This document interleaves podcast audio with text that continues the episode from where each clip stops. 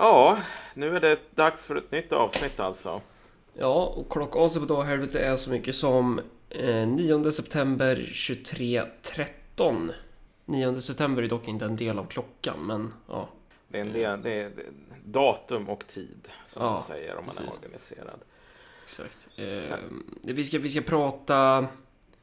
Vad fan ska vi prata om? Vi ska prata om eh, Rohingya-konflikten. Eller vad ska man säga? Konflikten i nordvästra Burma kanske man ska säga. Om man ska inleda med att vara så pass problematisk och inte ens, eh, inte ens benämna den på ett visst sätt. Exakt. Jag menar, det här är ju väldigt intressant. Det är en väldigt intressant konflikt och det är talande också för hur man pratar om det utanför Burma. Därför att det finns en kompakt vägg av liksom, missförstånd. Eh, man kan sitta där med sina kompisar som är lika jävla DN-liberala som en själv och tala om ditten och datten högt och lågt och så kommer man överens med varandra jättebra. Och sen frågar man, ja men varför håller folk på och förtrycker eh, liksom rohingya-muslimer, den här stackars folkgruppen?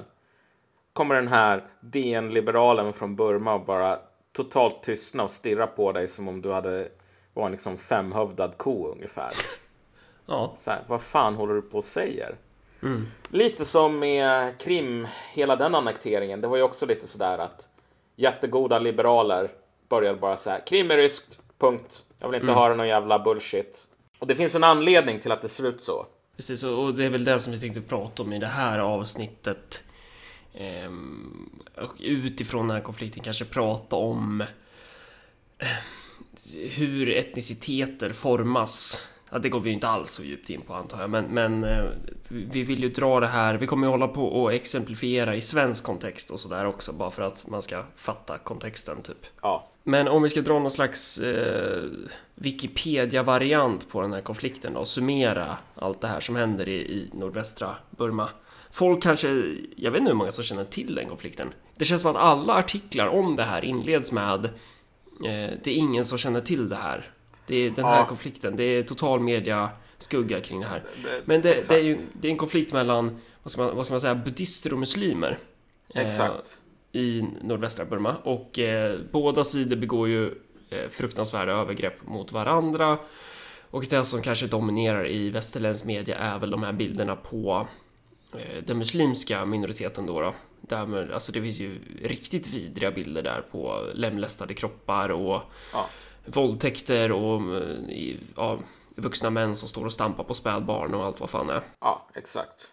Läser man Anders Lindberg i någon annan så här obildad sopa, då kommer det vara så här att vi har i den här eh, Rakinga-provinsen, eller Rakin, jag vet inte hur man uttalar det, så jag uttalar det definitivt fel. Eh, I den provinsen i alla fall, massor med våld mot muslimer, precis som du sa. Och då är det så här, det här gruppen har lite olika namn. Det är världens mest förtryckta folkgrupp. Det är OS-mästare i, i folk som det är synd om. Eh, och typ, man har just upptäckt att de finns och så skriver man den här snyfthistorien ungefär om så här, Burmas SD eller Burmas SS kanske förföljer dem. Och det är ju ganska naturligt. Vem fan vet ens liksom att Burma finns? Det är ju ingen som gör. Och jag menar, folk på tidningar får inte betalt för att sätta sig in i det här. Men, men grejen är att det som gör den här konflikten så farlig, det är att det är en sida som hävdar vi är en folkgrupp, en etnicitet och vi förtjänar rättigheter på grund av det. Vi förtjänar en egen nation. Och det är alltså ett territorialt begränsat område där det är vi som bestämmer. Och där folk som inte tillhör den här etniciteten är gäster eller besökare eller folk som lever enligt våra regler. Det har vi rätt till. Och sen så är den andra sidan buddister. De säger det här är ett påhitt. Eh, och om du tänker dig ett kon- eh, en sån här konflikt som kanske fler känner till lite närmare. Kurder i Turkiet. Det var inte så himla många kurder som tyckte om när turkarna bestämde sig för att säga så här. Det här är bergsturkar. Det här är turkar. Det finns ingen skillnad. De ska inte ha ett eget språk, de ska inte ha egna skolor, de ska inte ha ett eget land. Punkt. De är turkar. Och i Turkiet så sa man det här, hur ska jag uttrycka saken, lite grann med glimten i ögat. Därför att det var ganska tydligt att det inte var sant överhuvudtaget. I Burma så har rohingya mycket mindre bevis för sin särart än vad kurder någonsin har haft. Mm. Och det är det som är intressant att titta på, hur, hur man definierar sitt folk. Hur man skapar den här etniska, kulturella identiteten. Vad har man mm. för, vad ska man säga, stöttepelare för att göra det? Och rohingya, de kör ju på det här med att de motiverar ju anspråket till det här territoriet territoriumet med att deras förfäder har bott där förut. Och förfäderna definieras ju utifrån att de var muslimer typ. Exakt. För att det har ju alltid funnits en muslimsk minoritet i det där området med betoning Exakt. på minoritet. Grejen är bara den att under de senaste typ 200 åren, kanske ännu, ännu kortare tid, kanske från så här under 1900-talet, så har eh, det skett en ökad migration av muslimer från, eh, vad heter det, Bengalen, eh, Bangladesh Ja. Ehm, det, det hette ju Bengalen under brittiska styret tror jag. Så att det har liksom migrerat in en massa muslimer där, som ju inte då kanske har förfäder i rakt nedstigande led som bodde i just Rakhine-staten. Men utifrån att det fanns muslimer förr i tiden där, för kanske ja. på 800-talet någon gång, eh, så, så gör man då ett anspråk på att det här är muslimernas territorium. Så att man, eh, och det här är ju inget nytt, att man liksom använder historien utifrån eh, sina egna samtida politiska parametrar och försöker använda historien för att legitimera sitt territorialanspråk. Ja, det finns en ganska bra liknelse om du kommer ihåg vad alla de här, liksom rummet och så vidare höll på att snacka om det här mm. med svensk slavhandel typ. Och att nu är det dags att be om ursäkt för den. Och nu är det så här, Sverige hade en koloni, Saint Bartholomew typ. Och på den så fanns det som max liksom tusen slavar eller någonting. Uh, och nu är det så här att typ alla på rummet, ingen av dem är släkt med någon av de ättlingarna till någon av de här slavarna. Det är typ människor som gjorde som min farsa som typ flyttade hit liksom i studierna eller någonting mm. på 70-80-talet. Det är där de flesta afrosvenskarna kommer ifrån. Flyktingar eller liksom så här läkarstudenter eller vad mm. det nu kan vara. 60, 70, 80-talet. De kommer från Afrika. Och grejen är, om du bor i Afrika, då är inte du en av dem som blev en slav i Karibien. Därför att mm. de människorna, de bor i Karibien. Mm. Och där, men man använder ändå det här liksom bakåtläser. Ja, precis. Det här transcendentala. Det, det, finns någon osynlig länk Exakt, det finns, en, eh, det finns en osynlig länk här som gör att människorna på rummet de har anspråk till ditten och datten och så måste vi ha reparationer från slaveriet och bla bla bla. Liksom sådär. Och det här har, det har de förtjänat. Mm. Och Mussolini gjorde ju den. Vi härstammar från romarna. Det ja, var ju liksom men, nödvändigt för att bygga den här italienska identiteten. Typ. Att man men gör Mussolini såna. var ju inte dum i huvudet till skillnad från många av de här människorna. Mussolini men... sa ju bara det här är ett påhitt. Ja, alltså det, det, det stämmer inte egentligen. Liksom. Mm. Det är en lögn, men det är en ganska användbar lögn. Eh, jo, precis. Och det är ju det som är poängen, att, att det går ju... Eh, men hur som helst, Rohingya gör det här i alla fall. Ja. Eh, hävdar att, att deras förfäder eh, har bott där hur länge som helst och att de därmed har rätt till landet. Eh, just Rohingya-benämningen, alltså identiteten, den växer ju fram under typ 50 och 60-talet. Det är ja. först då som man börjar så skilja på Alltså man går från att bara vara så här, vi är muslimer i nordvästra Burma till att bli så här, vi är rohingya, vi är Exakt. det här. Eh, alltså man, man, man, den kulturella identiteten konsolideras. Det som man måste tillägga är också att rohingya, den termen är jävligt, alltså i dess nuvarande stavning, den förekommer inte så himla mycket i historieskrivningen.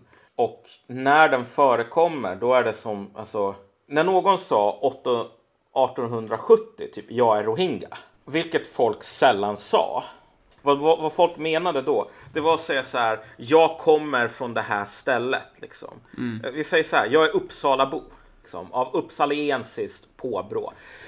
Uh, och det enda som man menar då, det är att om man befinner sig på någon annan plats för att man har flyttat därifrån, mm. eller man har blivit fördriven, typ, då säger man så här, ja men därifrån kom jag. Mm. Det är inte det... samma sak som en etnisk identitet. Nej, det finns bara en geografisk ja. Eh, till. Ja.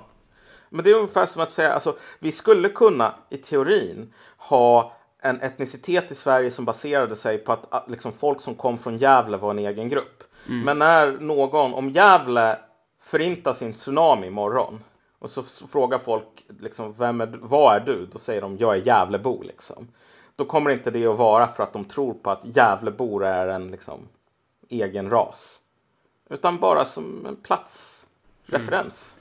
Men rohingya har ju med tiden kommit att bli någonting mer än bara en ge- geografisk identitet. Man har ju Ja. fyllt det med en, med en ny slags innebörd då. Och, och någonting som är intressant att eh, de här rohingya, alltså de migranterna från Bangladesh och så, eh, bengaler om man får säga Ja. så, vilket man ju kanske inte ska då enligt vissa. Men rohingya, alltså är du rohingya så vill du väl göra gällande att alla muslimer i just den här Rakhine-regionen då, då som man har som anspråk på att göra självständig. Ja. Ehm, att alla muslimer där är rohingya. Exakt, det blir ju det här som är en av de riktiga motsättningarna. Och det är ju i, ungefär som svensk antirasism. Så här. Sven, varför ska svenskar betala tillbaks för slaveriet? Jo, för att det var massor med lidande. Så här, ska du få peng, de här pengarna? Ja, det ska jag. Led du någonting av slaveriet? Nej, men jag är svart. Liksom. Alltså, m- man förnekar inte, för det går inte att förneka att alltså demografin i den här provinsen har ändrats ganska mycket. Alltså det var när britterna talade om det här på slutet på 1800-talet, då kanske 10% var muslimer. Mm. Slutet på 1800-talet. Idag är 50% muslimer. Mm.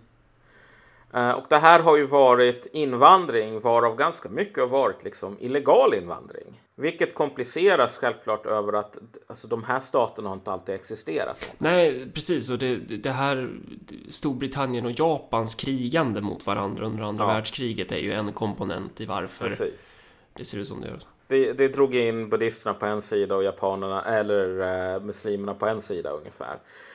Eh, och massor med, det blev massor med etniska rensningar och massakrer som liksom i efterdyningarna till det som det ofta blir när mindre folkgrupper blir verktyg för liksom imperier. Det blir sjukt mycket våld. Vad var vi inne på tidigare?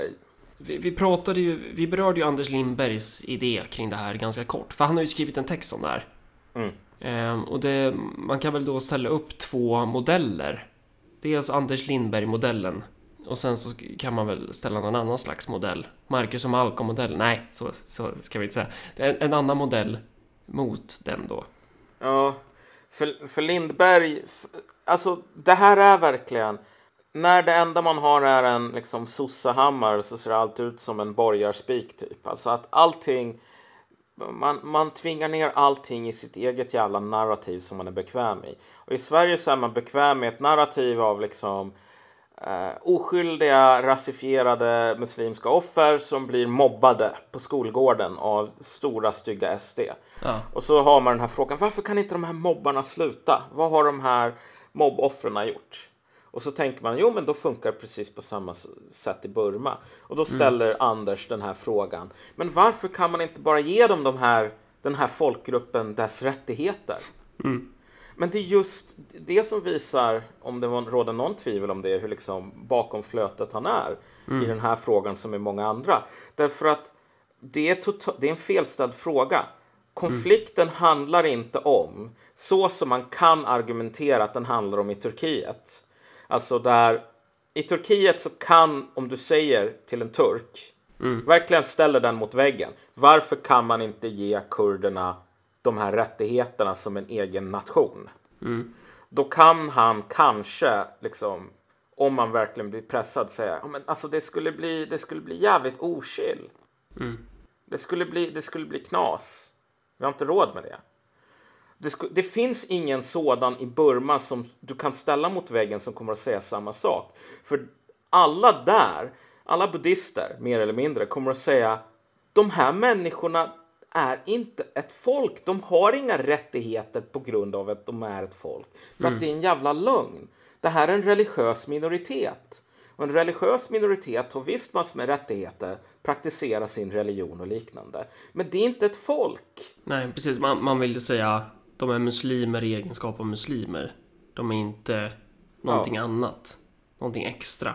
Exakt. Och så här, i Turkiet, till skillnad från i Burma, Mm. så tror jag att de flesta är nog åtminstone beredda. Alltså, och det där har ju också ändrats över tid. Det är ju mycket enklare att liksom säga det idag. Men de flesta vet ju med sig att så här, ja, men kurder, de är sin egen grej. De, har, de har sin jävla region, Kurdistan. Och så har de kurdiska och så har de liksom ganska klart definierade eller egna liksom sociala strukturer och så vidare. De är inte invandrare som kom liksom på 20-talet. Det, det finns det ju liksom ingen turk som tvivlar på egentligen om den inte är totalt hjärtvättad. Så du kan komma som Anders Lindberg på flygplatsen och säga ja, men nu är det dags att ge de här kurderna, den här separata gruppen, sina rättigheter som de har på grund av det. Alltså folk kommer att kunna säga jag hatar dig och du är, du, du är en jävla hund. Men du talar samma språk som dem. Du lever i samma mentala universum. Det gör man inte i Burma. Och det är det som är själva problemet. Mm. Att, att så här, Rohingya-rörelsen, han strävar ju efter att få det politiska erkännandet man vill ha, det är ju någon form av självständighet egentligen. Ja, exakt. Alltså de vill bli en nation, en etnicitet, en folkgrupp. Och det är bara så här att alltså, alla folkgrupper och alla etniciteter är påhittade. Men samtidigt så är alla sociala hierarkier påhittade. Jag skulle till exempel kunna gå ut på stan imorgon och säga jag är Sveriges nya kung. Och det enda problemet som jag för mig är egentligen inte att jag liksom saknar några så här gener för kunglighet, för sådana finns inte. En kung är bara en vanlig människa. Men eh, din förmåga att vara kung är helt beroende på om andra människor kommer att acceptera det. Av olika historiska skäl så kan en person av ätten Bernadotte säga det. Och så kommer människor att lyssna och säga, vet du vad, det här kan jag ändå jag tycker inte om kungligheter, jag tycker vi borde ha en republik. Men eh, så här, ja, tillhör rätt ett liksom så här. Följer spelets regler. Ja, okej. Du, Estelle, du kanske ska vara drottning. Om någon ska vara det. Jag kan inte göra det. Och som sagt, man kan säga att det är orättvist att liksom en av att i, kom, i tävlingen mellan mig och Estelle, där båda hittar på en titel, liksom, så respekterar människor den ena sidans påhitt mer än den andra. Men det är så, så ser konflikter om etnicitet ut, typ. Alltså, påhitt som är starka nog och delade av många nog får en egen makt. Och därmed inte sagt att det som händer i eh, Rakhine eh, provinsen eller regionen, fan, där i Burma, där i kring, att, att det som händer där är fruktansvärt. Det är ju fruktansvärt det som händer. Mm. Eh, absolut. Eh, men- det är ju... Vad, hur långt kommer man på där liksom? Det här är hemskt. Det förklarar ju Exakt. ingenting. Typ. Och, det, och det är väl det som också är det här problemet med de här DN-liberalernas världsbild typ. Eller Anders Lindberg-modellen eh, eller vad det nu kan vara. Att, att man tänker ju, vi har ju pratat om det här tidigare flera gånger, men det här dualistiska världsbilden mellan onda och goda typ. Och jag menar, alltså deras lösning blir alltid så här, men ge de här människorna deras mänskliga rättigheter och deras rättigheter som liksom minoritet, etnicitet, så kommer problemet att vara löst. Och det är ju liksom den här eh, normala liberala åkomman eh, och den socialistiska åkomman idag, eller socialistiska inom citationstecken. Ja, s- nej, det ska vi fan inte ge dem alltså. Det är, Ja, okej. Men- det, är samma skit alltså. Jo, jo, jo, men visst. Men, men, men vad vi än väljer att kalla Ja. det, liksom, det är samma skit från Ung Vänster till eh, Folkpartiet. Liksom. Det här är Ja. folkpartister. Problemet med folkpartister är att de alltid tänker i rättigheter, eller för att tala med Marx, i behov. Men de tänker aldrig i skyldigheter, eller för att återigen tala med Marx, förmåga. Och vad är det här paketet med rättigheter som hör till att ha en nation? Jo, det är att ha en territoriellt begränsad enhet där det är du som är basen. Där det är du och din grupp som styr och alla andra grupper står lägre än dig i hierarkin. De kan få vara gäster, de kan få besöka, de kan få jobba där, de kan få skaffa barn. De kan inte bestämma. De kan inte ändra på nationens karaktär. Och att ge de här muslimerna en egen nation i, ett, i en delstat där det bor 50% buddister innebär de facto att buddister nu får en skyldighet antingen att konvertera eller bli utsatta för en massa våld eller att bli en andra, eh, andra klassens medborgare. Eller så som ofta blir när man delar upp så här, att typ de får 74 timmar på sig att ta mm. det de kan bära och sen sticka någon annanstans. För om de är kvar så blir de mördade. Mm.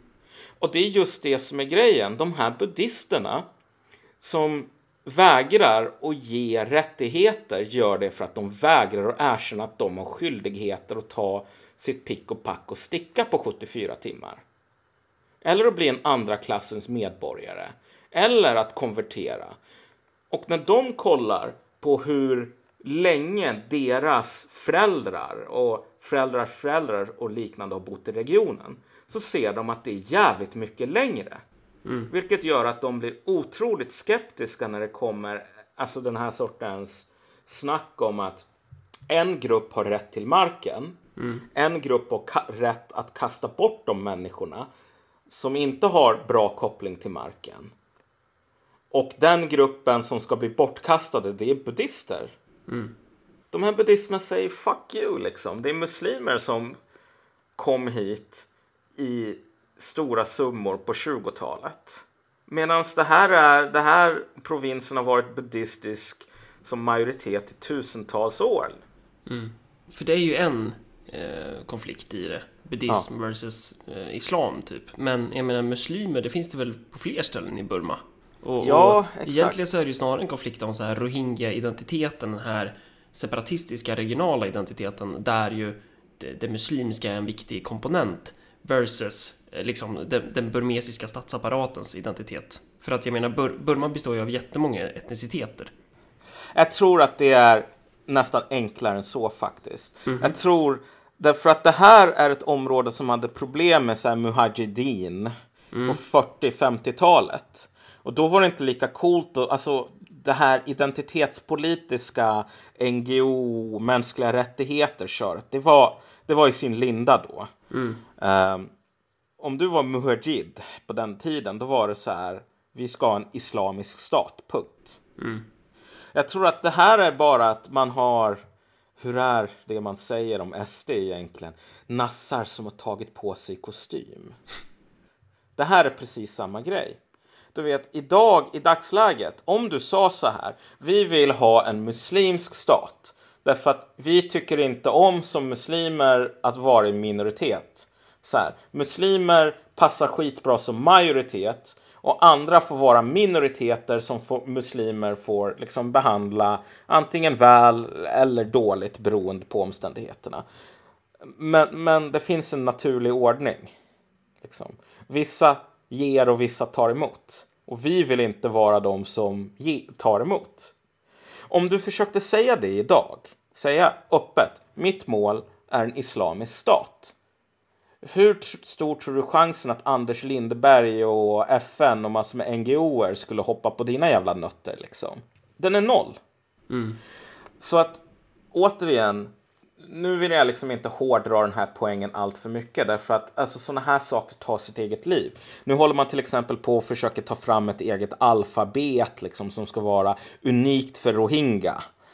Uh, därför att man inte har haft det tidigare av ganska förklarliga skäl. Man har talat antingen det lokala språket eller så har man fortsatt att tala det språket där man kom ifrån. Mm. Eftersom man inte har varit ett folk. Exakt. Uh, och här är, sen kan man ju utveckla dialekter över tid och liknande, men en dialekt, uh, en regional dialekt, är ganska annorlunda från ett eget språk med en svenska eller danska. Det är vad du får när du låter en regional dialekt hålla på och bara köra iväg i typ 900 år. Här har vi en regional dialekt som kanske kört iväg i 100 år. Liksom. Det är en ganska stor skillnad. Men men grejen är att de här sakerna tar sitt eget liv. Men jag tror att mycket av drivkraften här i grund och botten har att göra med det här klassiska typ. Det här är en religiös konflikt i slutändan. Och liksom, eftersom politiken ser ut så, så behöver man använda sig av den här etniska, liksom vart, vart folk på sin plats. Därför att det är det enda sättet att liksom få support.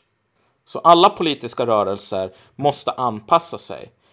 Uh, och det, det, är ju ingenting som, som man ska beskylla muslimer för till exempel. Jag menar om du var kommunist i Sydostasien på 50-talet.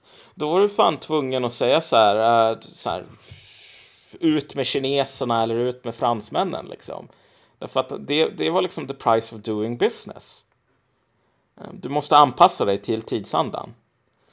Men min killgissning som jag är så bra på och killgissa eh, är att i slutändan skalar du bort liksom allt onödigt så kommer det, den hårda kärnan av den här konflikten att vara så här att okej, okay, nu är det, det här är en del av en mycket större våg av sunnimuslimsk revanschism runt om i världen. Mm. Och nu jävlar, nu har man chansen att få sitt eget land liksom. Där alltså muslimer inte är minoritet. Då, då hoppar man på den.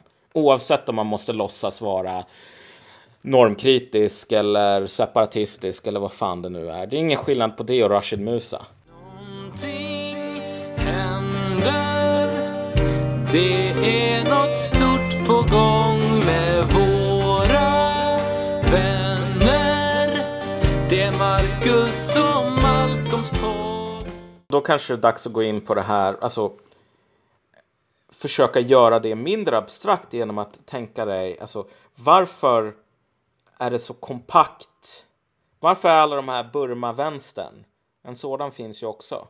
Och de här Burma-liberalerna och Burma-Anders Lindberg. Varför mm. tycker inte de som Anders Lindberg och vänstern och liberalerna i resten av världen? Och om man sätter, försöker måla upp ett fantasiscenario på liksom en liknande konflikt i Sverige så inser man nog Alltså att alla svenska folkpartister skulle säga ut med muslimerna i ungefär samma läge.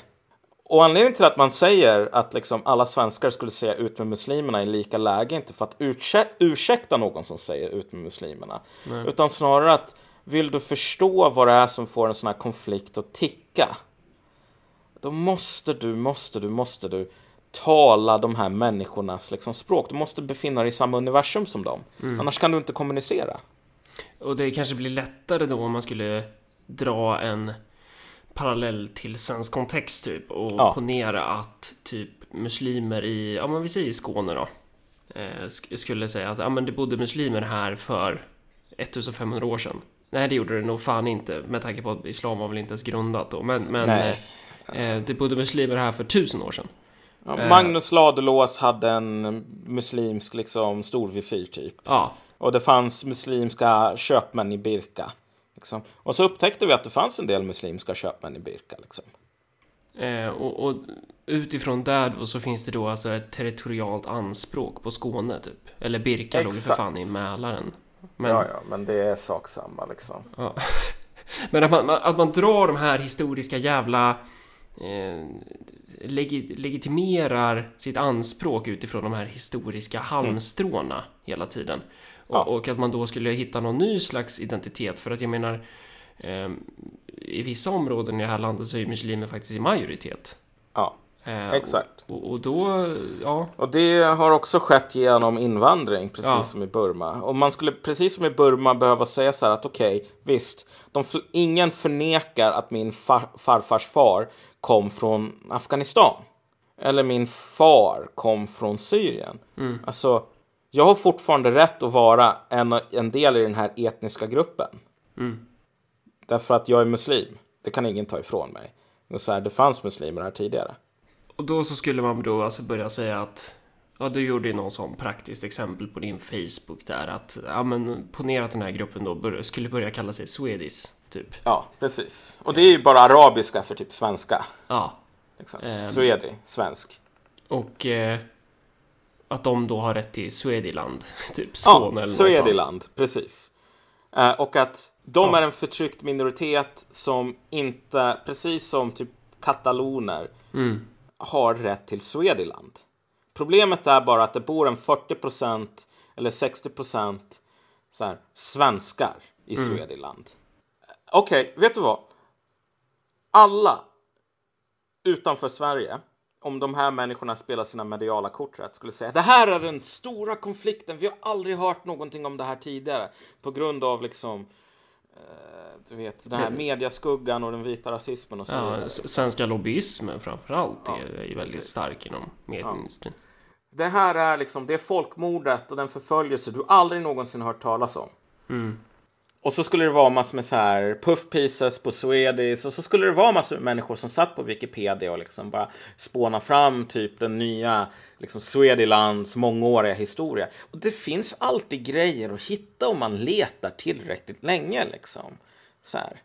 Jag menar, det finns så här beskrivningar av araber som hänger med vikingar och allting sånt. Jag menar, det finns. Så här. Och så bygger man alltså ett claim som säger att vi har en sådan kontakt, det sitter i vårt blod. Liksom våran relation till marken i Skåne. Tidigare Skåne, nu Swediland.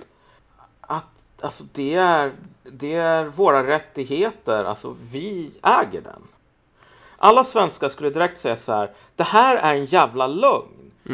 Det här är bara hittepå historia. Kolla, mina förfäders förfäders förfäders bodde här för typ 500 år sedan. Jag kan spåra min jävla släkt tillbaks till de här vallonerna som kom dit då.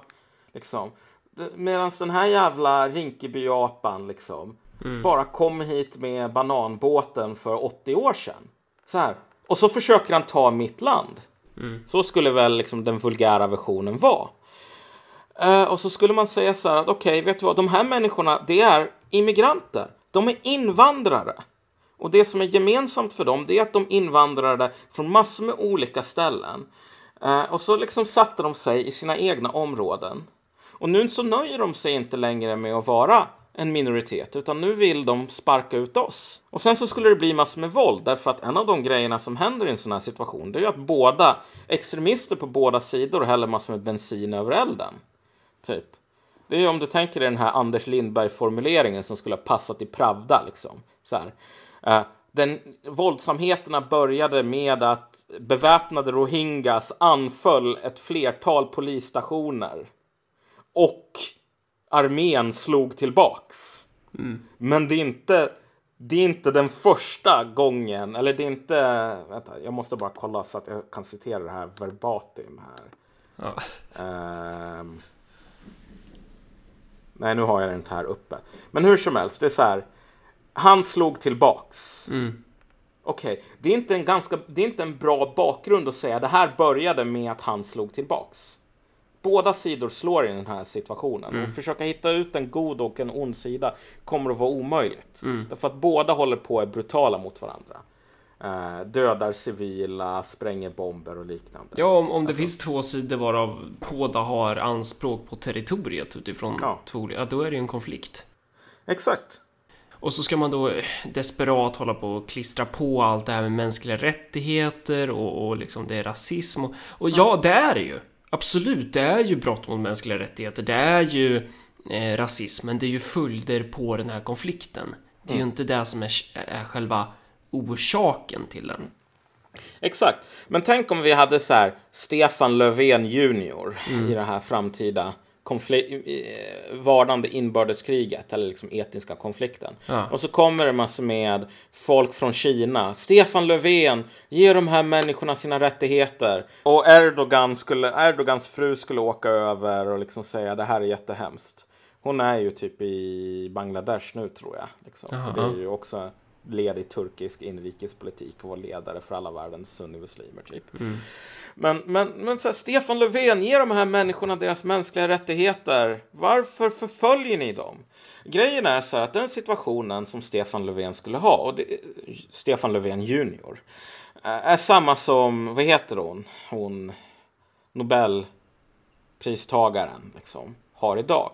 Det är så här, ger man Swediland sin liksom Swediland, ger man Swedis sina mänskliga rättigheter till en egen nation, då inskränker man skåningarnas rättigheter att inte bli, liksom leva som en andra klassens medborgare. För det är väl ungefär, jag menar, eh, jag, jag tror inte jag kommer med en vågad poäng här när jag säger att så som relationerna mellan Sveriges olika grupper ser ut idag så är det få svenskar som tror att de skulle bli behandlade väl i ett styre av muslimer liksom, mm. när de var majoritet. Och det är ju bara så att ja, vad fan om du är ute i Gottsunda liksom så kan du bli mobbad för att du är en jävla svensk. Så jag menar, om det här var det, det inte bara var Gottsunda utan det var hela statsmakten som såg ut så, så tror jag att alltså, det är ingen som skulle lita på att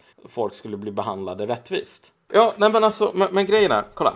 Stefan Löfven, om man sa okej, okay, så här, ingen mer Skåne, nu är det Svedeland. Mm. Eh, vad fan skulle han säga till skåningarna då liksom? Så här, konvertera? Eller så här, det är väl ingenting att vara en andra klassens medborgare. Det kan vara bra, liksom, den vita skulden, ja. nu är det dags att ge upp era privilegier. Sådär. Eh, kolla, de, de flesta skåningarna skulle säga, vet du vad, jag har fan en rätt att kunna gå ut på gatan mm. utan att bli spöad. Jag har en rätt att kunna leva och vara säker på att det inte blir som typ i eh, uppdelningen mellan Indien och Pakistan. Mm. Där kommer folk, om du har tur, om du har tur, så kommer någon och säger du har 48 timmar på dig och ta ditt pick och pack och sticka härifrån. Vi kommer att komma tillbaka till 48 timmar och så kommer vi massakrera dig och hela din familj om du är kvar. Mm. Om du hade tur i de här gränsområdena i Pakistan så gav någon dig 48 timmars försprång. Men det här var en period där det låg alltså tiotusentals människor liksom utfläkta på gatorna. Det var floder av blod i rännstenen typ, när det var som värst. Så här, skåningarna skulle säga, jag har en rätt att inte behöva genomleva det där. Mm. Och det har de ju fan om man nu ska gå på mänskliga rättigheter. Det är bara en sida som kan få sina mänskligheter, mänskliga rättigheter uppfyllda. Den andra sidan måste bli liksom, måste bli förloraren. Mm. Och skåningarna skulle inte vilja bli förlorare. Och det är ju det som är då, alltså varför pratar vi om den här poängen? Vissa kanske tänker så här, bara, ja men sitter Marcus och Malcolm, har det gått så långt? Har de graviterat så långt så att de nu tänker att muslimerna kommer ta över Sverige? Nej, det, vi är inte riktigt där än. Nej, exakt. Eh, poängen är ju liksom att använda Sverige för att kunna kontextualisera ja. konflikten i, i Burma. Så. Jag menar, jag, jag, kan säga så här, det är väl inte omöjligt om du ger en 80 år till eller någonting. Alltså, et, etnogenesis är ju en, ett riktigt ord. Det är ett ord som beskriver skapandet av nya etniciteter. Liksom, för att nya etniciteter har, har alltid skapats. Jo, jo, alltså, men... Men, eh, men, men min poäng här, sorry, mm. är ju bara att det enda som går att vara säker på med 100% säkerhet, 110% säkerhet till och med idag, det är så här att om det här scenariot slog in, det vill säga att ättlingar till folk som kom till Sverige 60, 70 eller 2017 mm. börjar säga så här, vi har blodsband till den skånska slätten. Mm. De som kallar sig skåningar är inkräktare som förföljer oss. Vi har rätt antingen att kasta ut de här människorna eller så har vi åtminstone rätt att förbehålla oss rätten att kasta ut dem. Liksom, mm. För att det här är vårt land. I en sån situation så skulle alla från höger till vänster alltså bli eh, lika galna i omvärldens ögon som folk i Burma är idag. Mm. För att i omvärldens ögon skulle det vara så här, det här är skitenkelt. Ge de här skåningarna eller de här Swedi Swediland. Det mm. tillhör ju dem. Varför vill ni inte ge de här sina rättigheter? Och alla skulle bara säga precis det som folk i Burma säger. Ett, det här är inte en etnicitet. Två, allt det här med liksom rådgivare åt Magnus Ladulås och så vidare. Ja, någonting av det stämmer, men det här är ju bara jävla hittepå. Det här är en fantasyberättelse. Liksom. Det har ingen jävla förankring i verkligheten. Och det var inga i Rosengård på 80-talet som talade om Magnus Ladulås. Det kan man gå tillbaka och kolla. Det kommer svenskarna ha rätt i, för det är ingen som gör det idag. Eh, och den andra grejen är också att du får vara muslim i Sverige du får vara en religiös minoritet. Mm. Men våran konflikt, varför vi skickar in piketpolisen i Rosengård och varför alla de här bilderna av det här lidandet och konflikterna och molotovs. Det är på grund av att de här människorna är terrorister. De försöker på allvar fördriva människor från liksom sitt eget land. Mm, och nu pratar du utifrån det här hypotetiska scenariot Ja, då alltså? Mm. Exakt. Det är precis så som svenskar skulle säga. Därför att det är det enda sättet som svenskar skulle kunna uppfatta saken. Alltså. Mm. Det, det, och den som trodde någonting annat skulle inte kunna ha bott i Sverige. Liksom. Och det är därför vi tar Sverige som exempel, för att, för Ja. att göra den poängen väldigt tydlig. Exakt. Det är Marcus och Malcolms podd. Sen, sen så är det ju andra, om man ska dra en parallell till Israel-Palestina då. För att där Ja. finns ju liksom det här, ja men eh, judarna claimar ju det här landet för att de eh, fördrevs därifrån för 2000 år sedan typ. Eh, och sen så har man då en, en, en rätt till det här landet, eh, menar man ju då. Och det är liksom, det finns ju ganska stora likheter, det är väl bara det att det kanske är lite större tidsspann typ. Nu skulle ju kanske en, en, en, en jude eller en israel kanske snarare. En sionist Ja. kanske man ska säga. Kanske skulle tycka att, eh, att det här är ju jätteproblematiskt att man ens kan dra paralleller mellan de konflikterna typ. Ja, alltså de skulle ha rätt till åtminstone en 40 procent tror jag. Därför att alltså sionismen är ju... Visst, man har den här berättelsen om du vet det heliga landet och så vidare. Men det är ganska få israeler som är så här superreligiösa på det sättet. Liksom, det, är, det är ingenting som folk refererar till som liksom... Det här är inte grunden för legitimitet på samma Nej, sätt. nej precis, man, Utan- man är mer medveten om att grunden för legitimitet är militär ockupation. Exakt, kolla. Israel får sin legitimitet liksom. Om du tänker dig så här, varför gör vi det vi gör? De hämtar sin, sin näring från en tidigare tidsålder, om vi säger så. Bosättarkolonialism. Alltså, de kan alltid falla tillbaks på, vilket de ofta gör därför att det här är mycket mer ärligt än alternativet. Så att okej, vi är ett folk som har en historisk koppling till det här landet, vilket man har. Alltså, går man tillbaks tillräckligt lång tid så finns det en historisk koppling. Det är svårt att bestrida. Och så här, nu är vi de snubbarna. Vi, det är därför vi har valt Israel i slutändan. Och anledningen till att vi valde just det här stället och bosätta oss och skapa vår egen nation, det är på grund av den här kopplingen. Men anledningen till att vi har rätt att göra det, det är för att vi står här med svärdet i hand. Ja, de, de var väl ganska medvetna om det, de tidiga is- israelerna. Vad fan, var var han general eller? Var han någon tidig... Moshe Dayan, ja. Ja. Den, den enögda generalen, även så kallad. Ja, vi har, snack, vi har snackat om honom i något tidigare avsnitt va? Mm. Att han var så här, att han betonade att när ni skjuter ihjäl palestinierna ska ni komma ihåg att ni gör det för att vi ska ta deras jävla land, eller vad fan var han Ja. sa liksom? Han sa det så här. Ja. Vad håller vi israeler på?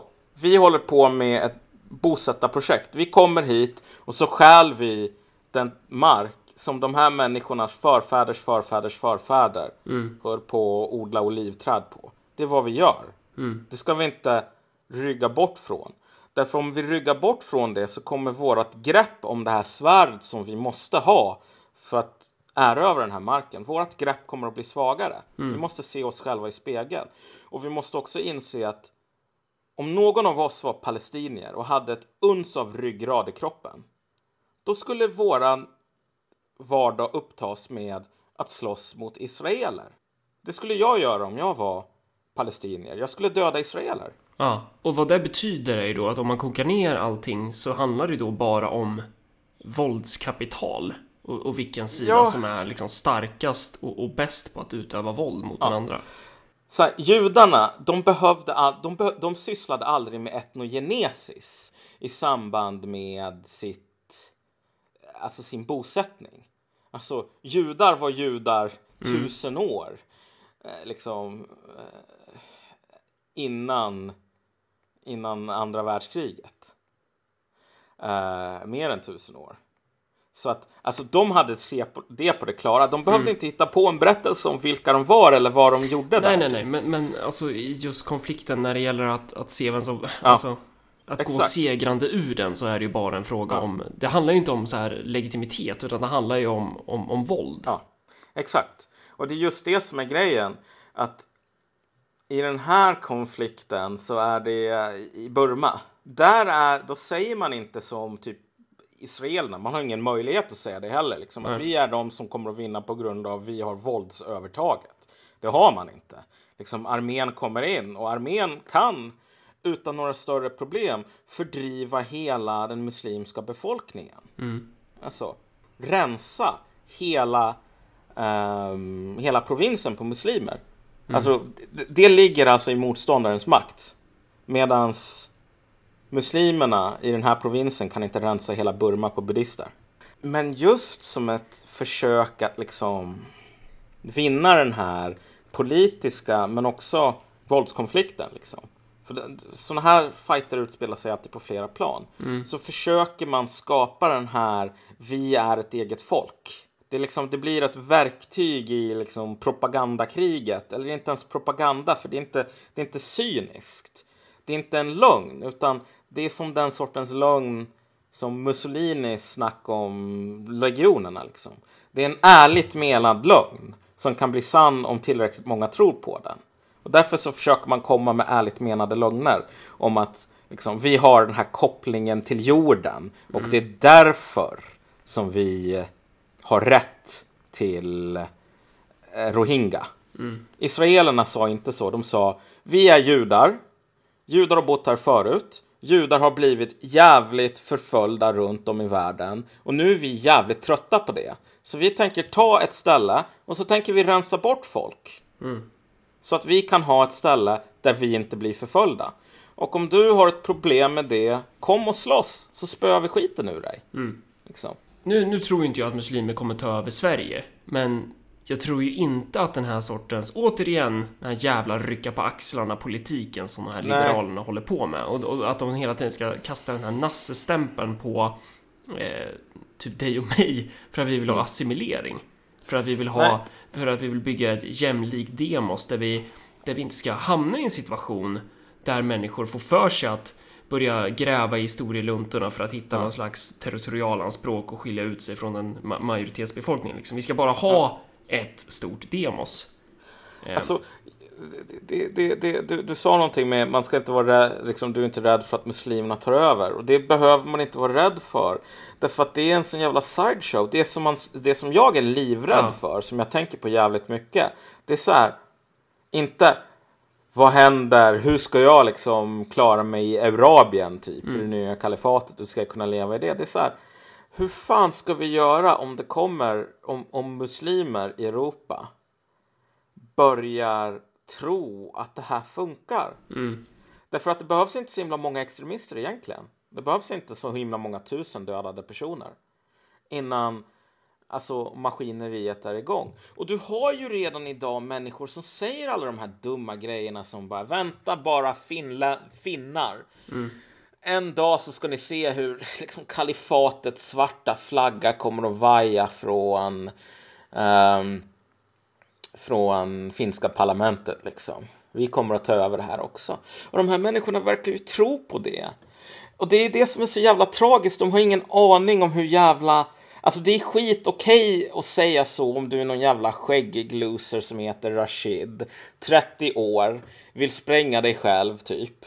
Men så här, om du gör det och tillräckligt många andra gör det här. Det är inte som om finnarna av historien att döma kommer att stanna vid folk som liksom ser ut som du. Finnarna kommer att säga så här. Okej, muslimerna fick en chans. Nu tar vi och dödar muslimska jihadister, muslimska män, muslimska kvinnor, muslimska barn. Och finnar kommer att göra det, inte på grund av att finnar är unikt hemska, utan därför att de är människor. Och det är det som är problemet. Alltså, alltid i de här konflikterna så blir folkpartismens och CP-sosseriets och vänsterns svar att leta, vem är den goda? Vem är den onda? För den goda, den är den som tar stryk. Och den onda, det är den som mobbar. Och så ska man solidarisera sig med den här jävla goda gruppen, typ. Men det är så jävla idiotiskt. Ja, alltså, alltså det, där, det där är ju själva ramen på det här, på bilden på det där spädbarnet som blir trampad på. Ja. Det, det är ju vad den sortens världsbild leder till. Ja, men kurder idag, som är de här superfeministiska hjältarna, slåss mot IS. De var fan jävla hantlangare till folkmordet på armenier för hundra år sedan. De var stödtrupper i ett jävla folkmord. Och det är inte på grund av att kurderna då var onda och nu är de goda. Det är på grund av att kurder är fucking människor. Det var de då och det var de nu. Så här, jag blir otroligt störd av människor som håller på och säger sådana här saker. Bara, ah, muslimer, de har blivit utsatta för folkmord i Europa, runt om i världen. Så här, varför är det ingen som talar om det? Det är jävla nolla. Muslimer har utsatt massor med människor för folkmord på precis samma platser. Ofta så blir det så här jättechill när folk kommer och drar upp det och så säger de okej, nu är det vår dags att döda muslimer så här. 14-årig tjej i skolan på grund av att så här, muslimer gjorde en grej för 80 år sedan. Okej. Sen så kommer en jävla 14-årig hindu liksom 80 år senare som blir mördad och våldtagen typ för att den här 14-åriga tjejen blir mördad. Så här, letar du efter goda och dåliga sidor, då är du en jävla idiot och du är farlig. Alltså du är farlig. Och i det här fallet så är du inte farlig på grund av att du öppnar för Eurabien, utan du är farlig för att du öppnar för att människor inte ska förstå att när det gäller en sån här konflikt och när det är liksom våldskapital som står mot varandra, då kommer Europas muslimer alla att bli mördade i värsta fall. Liksom. Det finns ingen möjlighet för någon att hissa kalifatets svarta flagga i Finland på grund av att finnarna kommer att ha haft ihjäl alla innan dess. Alltså de, de sitter på den finska armén. Eh, Lite, side, li- lite sidospår här. Ehm, så, som handlar om Rohingyas kunde ju bevara sin kulturella identitet bland annat för att man hade ganska täta band med Bangladesh. Så, dels för att mig- migrantströmmarna kommer ju därifrån och sen så är det väldigt Ja. nära. Och då funderar jag lite på så här, tror du, eh, nu, tror du internet kan ha en viss påverkan på den här kulturella identitetsformningen? Ja, det tror jag verkligen. Det Eh, tror jag verkligen. för att Därför att det- många av dem som... Ja, Ja, men du, jo, men ja, nej, jag bara lägger fram den. Nu. Ja, nej men många av dem som sitter idag, och nu, nu liksom, om du går in på så här. En av de här, vi kan länka den här essän också. Ja. För Ja, en av de grejerna som man skriver i det är ju liksom att alltså alla sådana här saker, alla de här identiteterna är ett jävla slagfält. Det är liksom ett krig. Eh, och ett av de här exemplen som man tar, jag måste ta, vänta, se om jag kan hitta det. För det är något sånt här, ehm, han säger bara att om man vill se hur jävla komplex den här fighten ofta är, det är bara att gå in på Wikipedia och så kollar man, nu kan jag felcitera, men om ni läser det sen så ser ni vad det är han menar. Det är så här, en Wikipedia-sida typ, eh, så här, invandring från Burma till Pakistan. Och så kollar du pakistanier i Burma. Och alla är liksom, de, de är som de är skrivna från två olika universum ungefär. Därför att bara orden är slagfält. Och jag tror att internet verkligen hjälper, för liksom Wikipedia är ett ställe som man kan hålla på och vara ute och kriga på det här. Ja, och också det här, för att om du tittar på hur vissa aktörer målar upp det här så det här är ju ett folkmord på muslimer för att de är muslimer. Det har ingenting att göra med, med någon slags territorialanspråk utan de här människorna, de blir mördade bara för att de är muslimer. Och sen, ja, givetvis finns det en sån aspekt i den här konflikten att det är inte som att alla som, som har ihjäl varandra tänker liksom alla de här stegen att ja, men de här de, de vill bygga en egen stat och så, utan det är väl klart att det finns hat på båda sidor såklart. Men, men just att, att man framar konflikten som så här islam versus resten typ. Att, Ja. att det där känns det som någonting som, som kan få eh, i alla fall en bekräftelse från en muslims diaspora utanför den här regionen typ. Ja, okej, jo.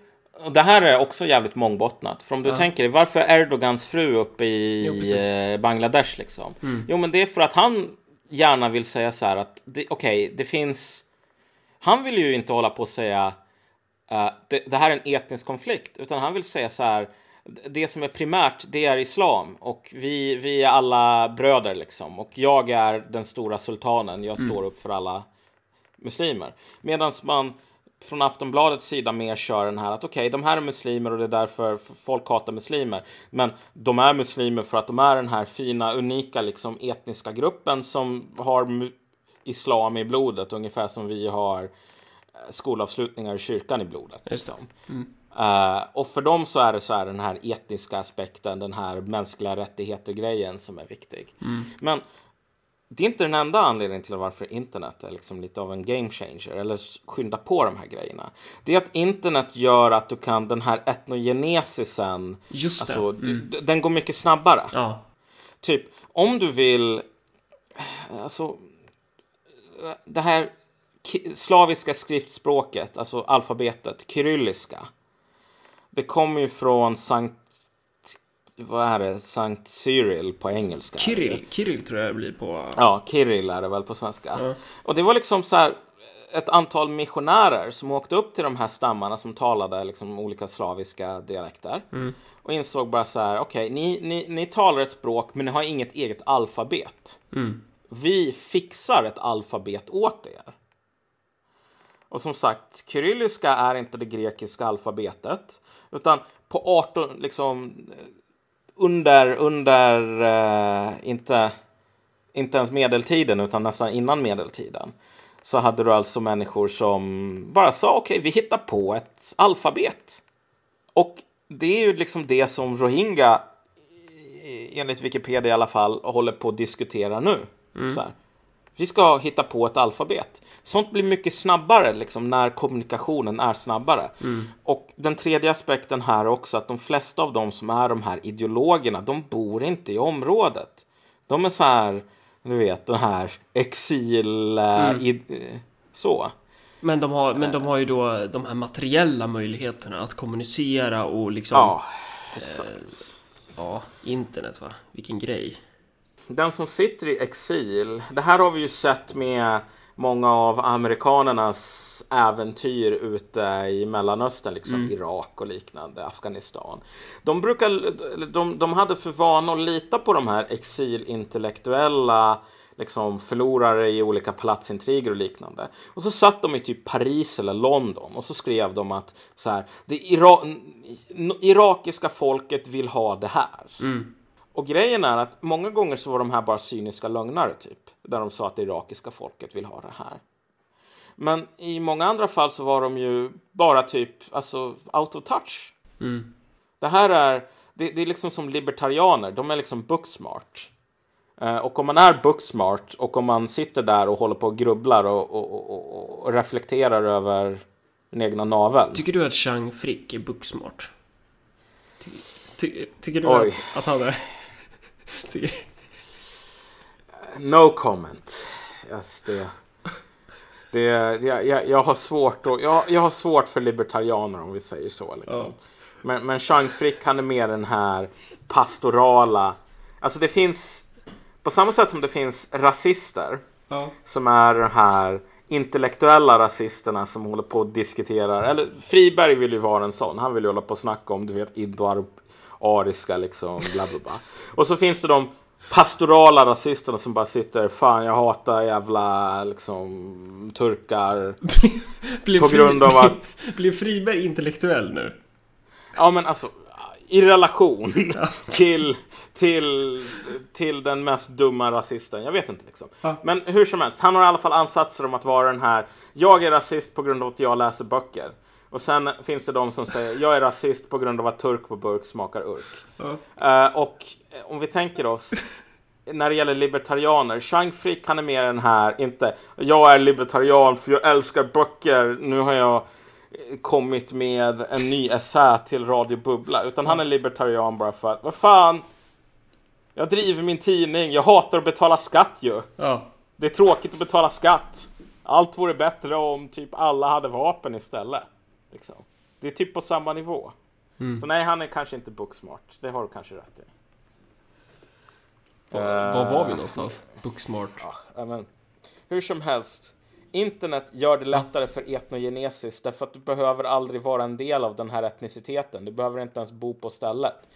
Eh, du kan vara som någon i rummet som håller på och sitter och snackar om liksom den gemensamma globala svartheten. Men kan det vara, kan det du- vara en komponent i att förstå... Det, det lär ju vara en ganska viktig komponent i att förstå de här nya identitetspolitiska subjekten. Nu sparkar jag kanske in en jävligt öppen dörr här, men... eh, det- känns inte som vi, har, som vi har grävt så mycket i den här grejen. Ja, jo det är det ju också. Och det är ju också det som man ser. Det har alltid funnits, även innan internet fanns, fanns det massor med så här...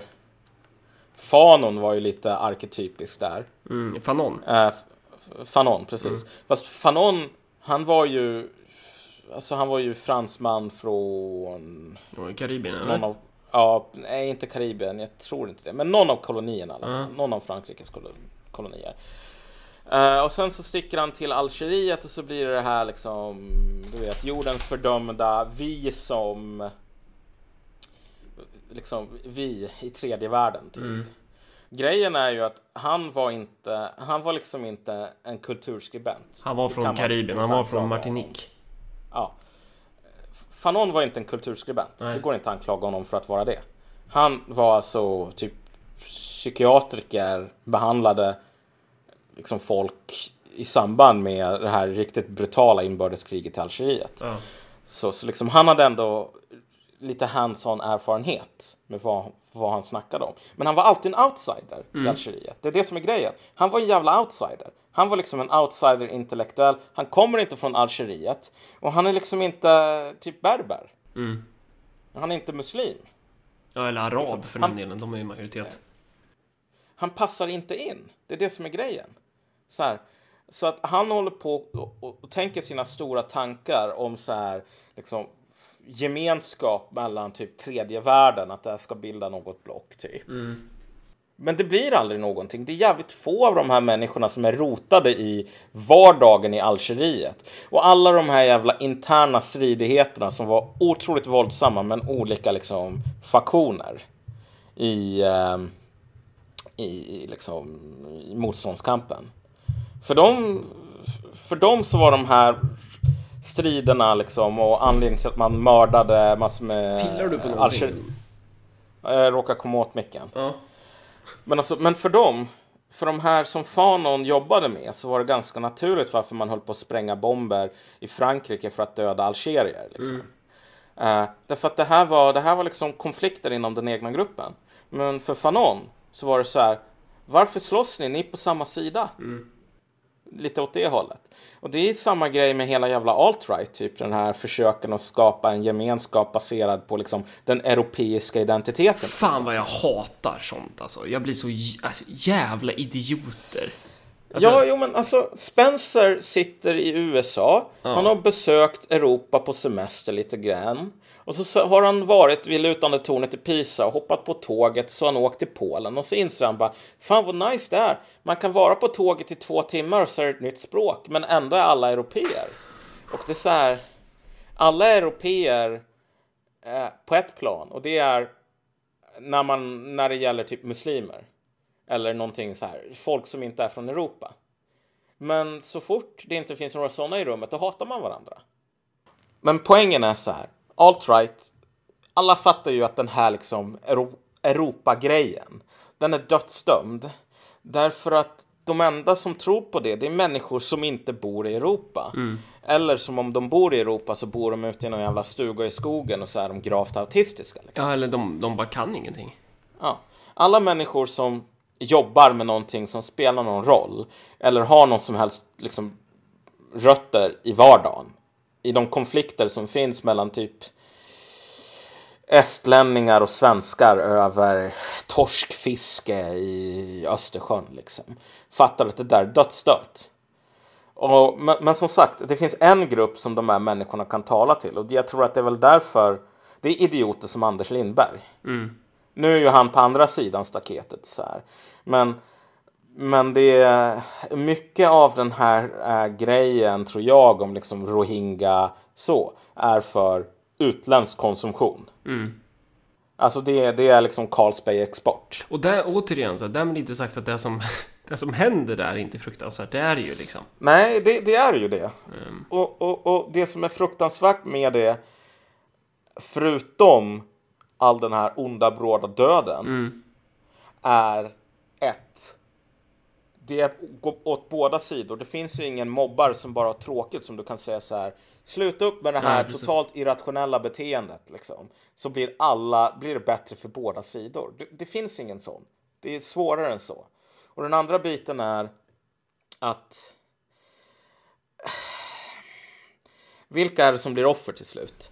Det är inte de här jävla ideologerna som sitter i Bangladesh och säger att du vet jag har kommit fram till att liksom storvisiren i, i den här provinsen för 300 år sedan um, var muslim. Dags att döda alla buddister, bröder. Vi har rätt att göra det, de är inkräktare. Liksom. Så, häller olja på den jävla elden. Det är inte de människorna, utan det är så här 14-åriga tjejen i skolan. På grund av vad de här idioterna håller på med. Så sådana här saker är jävligt farliga. Och det verkar inte vi uppskatta i Europa. Liksom. Hur jävla farlig den här sortens... Alltså separat, inte separatism, men de här konflikterna, alltså logiken i den. De är för, det, det finns en förbannelse över dem, typ. Att, alltså, när de väl rullar igång, alltså de... Det, det går inte att göra slut på dem utan, innan massor med människor dör. Nej. Det blir nästan omöjligt. Innan massor med oskyldiga människor dör. Det som jag varnar för är inte det kommer att dyka upp nazister. Därför det tror jag inte. Det som jag varnar för är det som faktiskt har hänt i Burma. Det är att typ alla svenskar kommer att inse att det här med att döda, alltså alla svenskar inom den antirasistiska vänstern. Ja, men det liksom. blir ju socialt acceptabelt för alla. Ja, eller det är inte socialt acceptabelt. Det här är inte... Det, det, det är inte en hjärntvätt, utan det är bara att man vaknar upp en dag och bara inser så här. Jag tycker inte om de här människorna. Ja. Och jag är fan ganska beredd att döda dem. Alltså, allt åt alla kommer att resonera så. Och det här är inte en, en känga mot allt åt alla, förvånansvärt nog, även fast det kommer från mig. Utan det är bara ett konstaterande. Jag kommer att tycka så, du kommer att tycka så. 99% av alla de som lyssnar kommer att tycka så. I ett läge där, alltså det är inte SD som står emot så här, ehm, en oskyldig minoritet. Utan det är ett SD på andra sidan som säger ut med packet. Och de de menar med packet, det är du. Du kommer inte att vara antirasistisk då. Du kommer att säga okej, ska vi slåss om saken eller? Och jag menar, det är därför man ska undvika att hamna i det läget.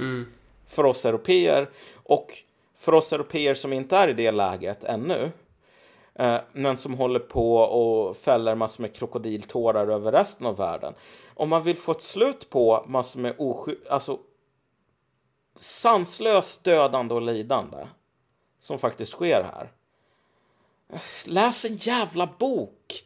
Försök att prata med folk i Burma på, så, från en verklighets verklighetsperspektiv som de ens kan relatera till. Jag menar, annars kommer det här aldrig ta slut. Innan de flesta muslimer antingen har blivit kuvade genom oändlig brutalitet. Det där har ju skett en gång innan. Men vadå, tror du att det finns något annat alternativ än, än just eh, brutalt våld? Alltså, i, i, just, i just den situationen liksom. För att det, det är ju ena... Nej, Nej. det är kanske för sent. Alltså kolla, så här. I Burma, kanske det bästa man kan göra där, egentligen. Alltså, det är att kauterisera såret, om du fattar vad jag menar. Det är så här. Det kommer, om du säger nu ska vi få slut på våld. Det kommer att finnas extremister på båda sidor. Som kommer att säga nej, vi är inte färdiga. Min syrra eller min familj liksom blev mördad. Jag ska mörda åtminstone tio till, sen är jag färdig. Men då kommer det vara tio till som säger samma sak. Det enda som du kan göra, tror jag, det är verkligen att bara, alltså. Det, det är som i fucking Europa Universalis. Kommer den här jävla revolten, okej, men då slår man ner den. Eh, och anledningen till att man slår ner den och använder våld när man gör det, det är för att alltså, ju mer våld man medvetet använder på ett riktat sätt mot Muja- Mujahedin till exempel. Ju mer man knäcker ryggen på dem, desto mindre liksom Ja, desto mindre kommer det här Måste man skära bort, typ? Ja, mm. Ja. Därför att om, om det här fortsätter hur länge som helst, då blir det alltså en fördrivning. Då blir det som nackband typ. Ehm, då kommer det vara så här eh, som uppdelningen av Pakistan. Alltså en gigantisk eh, massaker som pågår. Och sen så kommer det vara så här att okej, nu bor det inga mer muslimer på det här området. För alla har antingen dött eller så har de dragit någon annanstans. Det skulle ju kunna vara så att det blir att det inte är några buddister kvar. Men alltså, jag tror inte Donald Trump kommer att invadera Burma på grund av att de är för elaka mot muslimer. Sorry, liksom. Jag tror inte Kina kommer att göra det heller. Jag tror inte Pakistan kommer att göra det. Jag tror definitivt inte att eh, Anders Lindborg kommer att gå med i Främlingslegionen och åka ner Li- dit. Lindberg, herregud. Lindberg, sorry. Han är väl... Men- Men fan, när vi ändå är inne på Kina, de, de har ju liknande varianter i Xinjiang-provinsen ju. Ja, det vet jag mycket mindre om faktiskt. Men det är ju... eh, det skulle väl inte förvåna mig 100% om det fanns liknande aspekter där. Ja. Kina är jävligt narigt när det gäller liksom de- dess relation till minoriteter. Ja, de är, väl, de är väl för fan världsmästare på det. Eh, På, på, på att kuva minoriteter, är de inte det? Ja, precis. Och samtidigt, de, har ju, de brukar ju också säga någonting relativt liknande. Att så här, okej att ni är tibetaner, det är bara någonting ni har hittat på. Och grejen med det är ju att alltså kineserna har ju på ett plan rätt. Men det har ju buddhisterna här också. Och det skulle svenskarna ha i vårt framtida scenario, liksom hypotetiska.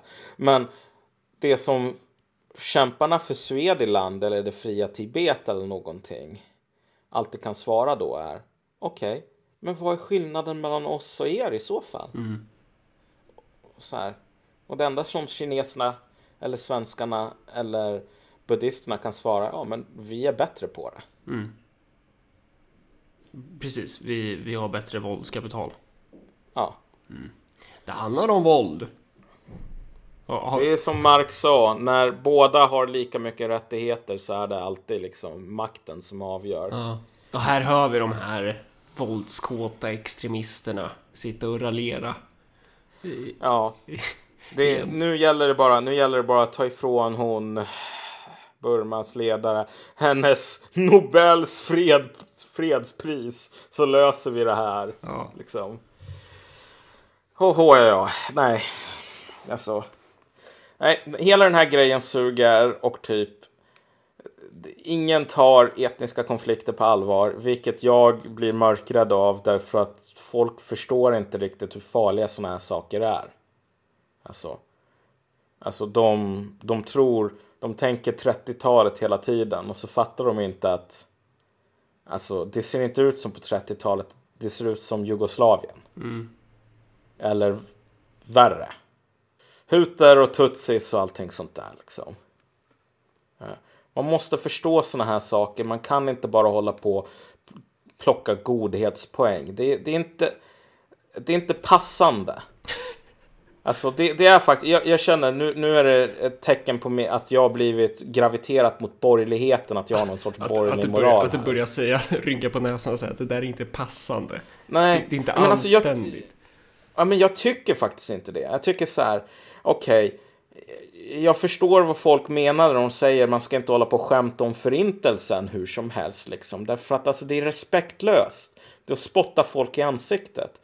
Jag tycker faktiskt ärligt talat att det är respektlöst på samma vis. Det är att spotta alla de här offren i ansiktet.